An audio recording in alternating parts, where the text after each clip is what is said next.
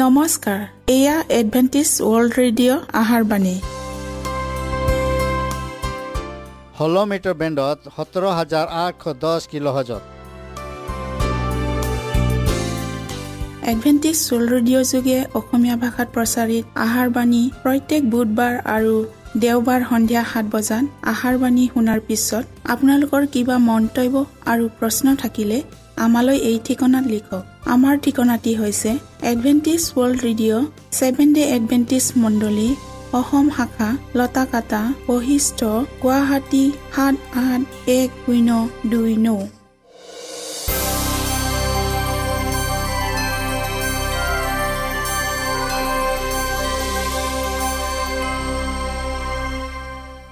প্ৰিয় শ্ৰোতা বন্ধুসকল এতিয়া শুনো আহক এটি খ্ৰীষ্টীয় ধৰ্মীয় গীত।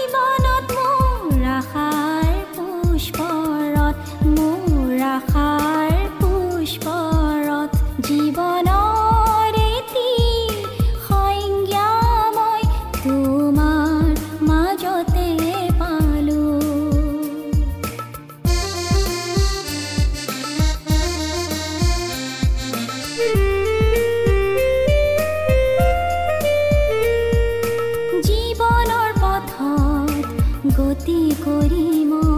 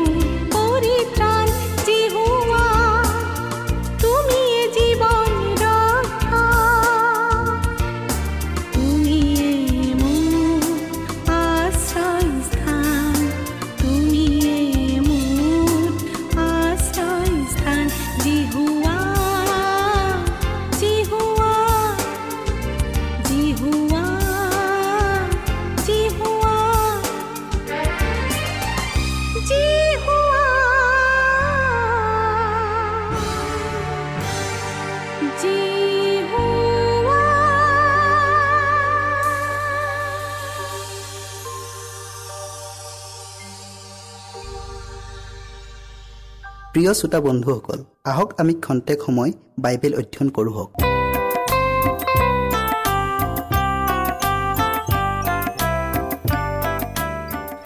আজিৰ আমাৰ বিষয়টি হ'ল ক্ষমতাৰে প্ৰচাৰ কৰা। বাইবেল পতি লোৱা হৈছে দ্বিতীয় কৰিন্তীয়া ছয় অধ্যায়ৰ এক পদ। আমি খ্ৰীষ্টৰ সহকাৰী হৈ এই মিনতিও কৰিছোঁ।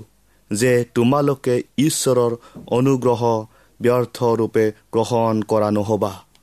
বিষয়টিৰ আগবঢ়োৱাৰ আগতে আমি প্ৰাৰ্থনা কৰোঁ হওক। স্বৰ্গত থকা ত্ৰাণকৰ্তা প্ৰেমময় ঈশ্বৰ যে হোৱা ধন্যবাদ প্ৰভু আকৌ এই বিশেষ সুন্দৰ সময় আমাক দিয়াৰ বাবে। প্ৰভু দিনে দিনে যেন আমি এই বাইবেল অধ্যয়নৰ যোগেদি তোমাৰ চৰণত আগবাঢ়ি আহিব পাৰোঁ। তেনে তুমি আমাক আশীৰ্বাদ দান কৰা। আৰু প্ৰত্যেক শ্ৰোতাৰ লগতো পবিত্ৰ আত্মা দান কৰা। এই চুটি যাচনা প্ৰভু যীশু খ্ৰীষ্টৰ নামত খুজিলোঁ। আমেন। আমি সকলোৱে সহকৰ্মী হৈ ঈশ্বৰৰ কামবোৰ সমগ্ৰ পৃথিৱীত কৰি যাব লাগিব। যাতে জীৱনৰ বাবে পৰিত্ৰাণৰ আৱশ্যক হ'ব। তাতে সহায়ৰ হাত আমি আগবঢ়াব লাগিব। যাতে ল'ৰা বা ছোৱালী পুৰুষ কি মহিলা অথবা যুৱক কি যুৱতী সকলোকে যেন ঈশ্বৰৰ গুৰিলৈ আনিব পৰা যায়। অন্তিম সময় অতি ওচৰত আৰু এইকাৰণে আমাৰ ওপৰত বিশ্বাসেৰে অৰ্পণ কৰা কামখিনিক আমাৰ শক্তি অনুযায়ী নিয়াৰিকৈ কৰি যাব লাগিব। আৰু এই কাৰ্য কৰোঁতে কোনোবাই যদি সহায় আগবঢ়ায় তাক সাদৰেৰে গ্ৰহণ কৰিব লাগিব। এফালে অন্তিম সময় ওচৰ চাপিছে আনফালে যিসকলৰ কাণ্ডত অন্তিম বাণী প্ৰচাৰ কৰাৰ যি গুৰু দায়িত্ব অৰ্পণ কৰা হৈছে। সিহঁতৰ বহুতেই এই বাণীটোক খেলি মেলি কৰি দিছে। সিহঁতে মাত্ৰ নিজৰ জীৱনৰ লাভৰ বাবেহে সভা সমিতিত উপস্থিত হৈছে আৰু সিহঁতৰ ওপৰত অৰ্পণ কৰা দায়িত্বৰ অলপ অংশহে সমপন্ন কৰিছে আৰু আনৰ পৰিত্ৰাণৰ ক্ষেত্ৰত গুৰুত্ব দিয়া নাই। এনে ঘটনা হোৱা দেখিলে স্বৰ্গদূতগণে বাৰু কিনে অনুভৱ কৰিব। বাস্তৱিকতে জীৱন্ত বিশ্বাসৰ দ্বাৰা যিসকলে কৃষ্টৰ লগত সাঙুৰ খাই আছে সিহঁত ঐশ্বৰিক প্ৰকৃতিৰ অধিকাৰী হয়। সিহঁতে তেওঁৰ পৰা অহৰহভাৱে আত্মিক জীৱন লাভ কৰিয়েই থাকে। আৰু সিহঁত কেতিয়াও নীৰৱ হৈ থাকিব নোৱাৰে। জীৱনটোনো প্ৰকৃততে কি সেয়া সদায় কাৰ্যতহে প্ৰকাশ পায়। যদি হৃদয় পিশুটো জীৱন্ত তেন্তে ই শাৰীৰিক প্ৰতিটো অংগলৈ জীৱন্ত তেজ পঠিয়াই থাকিব। যিসকলৰ হৃদয় পিশুটো আত্মিক জীৱনেৰে পৰিপূৰ্ণ ইয়াক প্ৰকাশ কৰিবলৈ ই প্ৰয়োজন অনুভৱ নকৰে। ঐশ্বৰিকতাময় জীৱনে অনুগ্ৰহৰ প্ৰবল সোঁতক সিহঁতৰ পৰা বোৱাই দিব। সিহঁতে যেনেদৰে প্ৰাৰ্থনা কৰে যেনেদৰে কথা বতৰা পাতে আৰু যেনেদৰে পৰিশ্ৰম কৰে সেই সকলোৰে দ্বাৰা ঈশ্বৰ মহিবান্বিত আৰু গৌৰৱান্বিত হয়। যিসকলৰ কাৰ্যৰ দ্বাৰা আটাইতকৈ মহান আৰু বহুদিন জুৰি চলি থকা ফলাফল পোৱা যায় তেওঁবিলাক কিন্তু ইমান মগজু থকা অথবা ইমান প্ৰতিভাশালী মানুহো নহয়। কোনবোৰ বাৰু আটাইতকৈ যজ্ঞৱান কৰ্মকৰ্তা?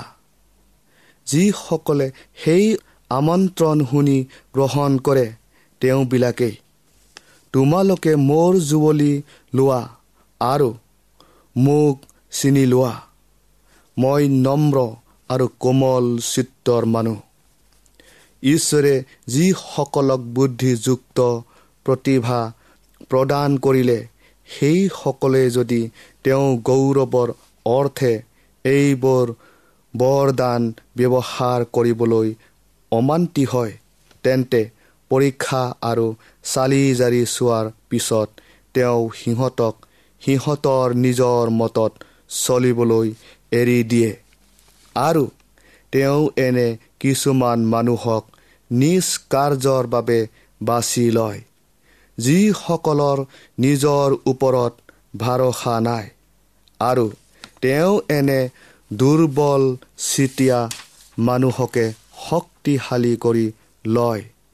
কাৰণ তেওঁলোকে ঈশ্বৰত বিশ্বাস ৰাখে আৰু এই বিশ্বাসৰ বলতে যিটো কামক তেওঁবিলাকে নিজেই কৰিব নোৱাৰিম বুলি ভাবে সেই কামটোক তেওঁৰ শক্তিত কৰিব পাৰিম বুলি ভাবে। এনে খোলা অন্তৰেৰে কৰা কাৰ্যক ঈশ্বৰে গ্ৰহণ কৰে আৰু তেওঁ নিজেই তেওঁবিলাকৰ আটাই অভাৱ আৰু দুৰ্বলতাবোৰক দূৰ কৰিব।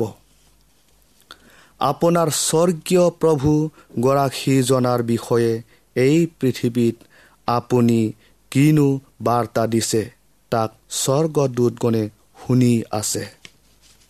মঠি তিনি অধ্যায়ৰ এক আৰু দুই পটো আমি আৰু চাওঁ হওক সেই কালত জোখন বাপটাইজকে আহি দিয়াৰ অৰণ্যত ঘোষণা কৰি ক'লে মন পালতোৱা কিয়নো স্বৰ্গ ৰাইজ ওচৰ হ'ল।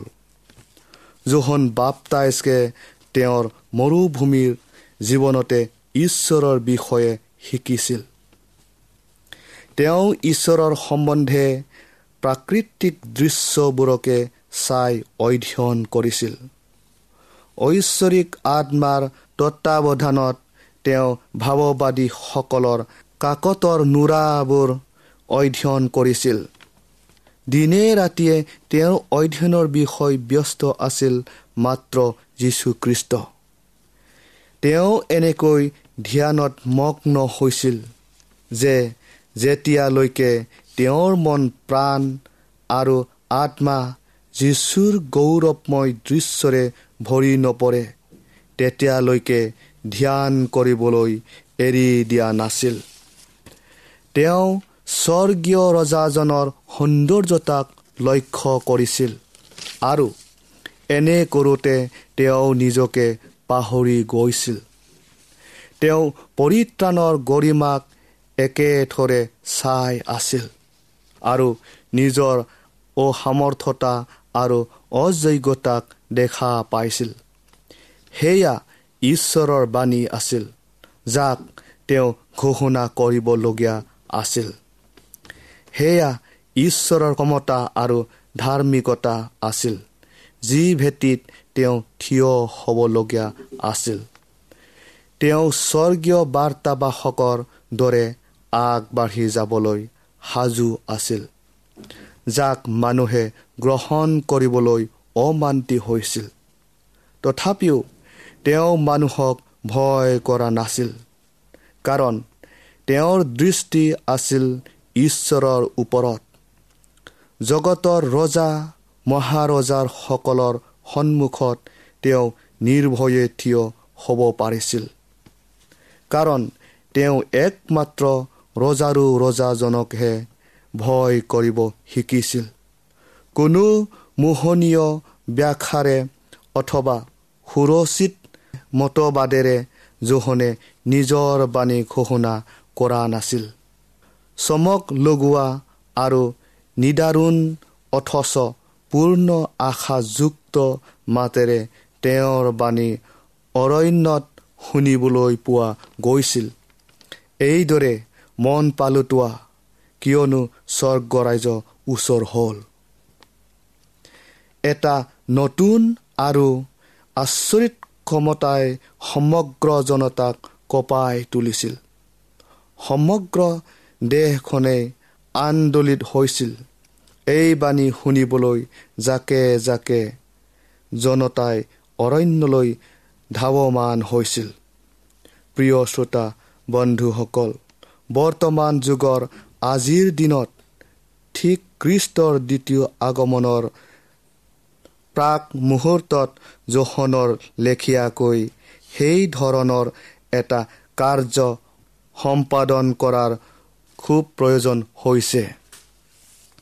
ঈশ্বৰে এনে কিছুমান মানুহক আহ্বান কৰিছে যিসকলে নেকি সেই মহান দিনটোত থিয় দিব পৰাকৈ লোকসমূহক সাজু কৰাব পাৰে।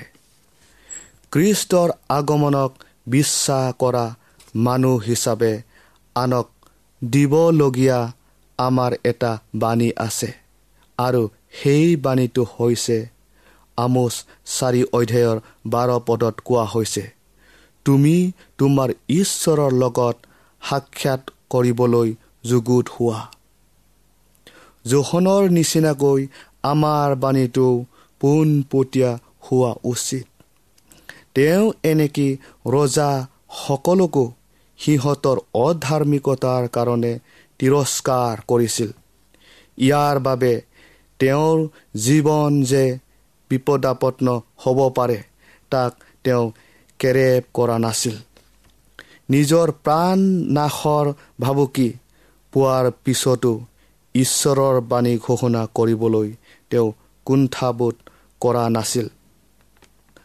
আৰু এই যুগত আমাৰ কামবোৰো সেই একেই বিশ্বস্ততাৰে কৰা উচিত জোহনে যেনেকৈ ঘোষণা কৰিছিল। আমিও সেই বাণীক একেদৰে ঘোষণা কৰিবলৈ হ'লে তেওঁৰ নিচিনা এক আত্মিক অভিজ্ঞতা আমি লাভ কৰিবই লাগিব। প্ৰিয় শ্ৰোতা বন্ধুসকল তেতিয়াহে তেনেধৰণৰ কাম কৰিবলৈ আমাৰ পক্ষে সম্ভৱপৰ হ'ব। আমি ঈশ্বৰক একেদৰে চাই থাকি নিজকে পাহৰি পেলাব লাগিব। ঈশ্বৰে আমাক সকলোকে আশীৰ্বাদ কৰক।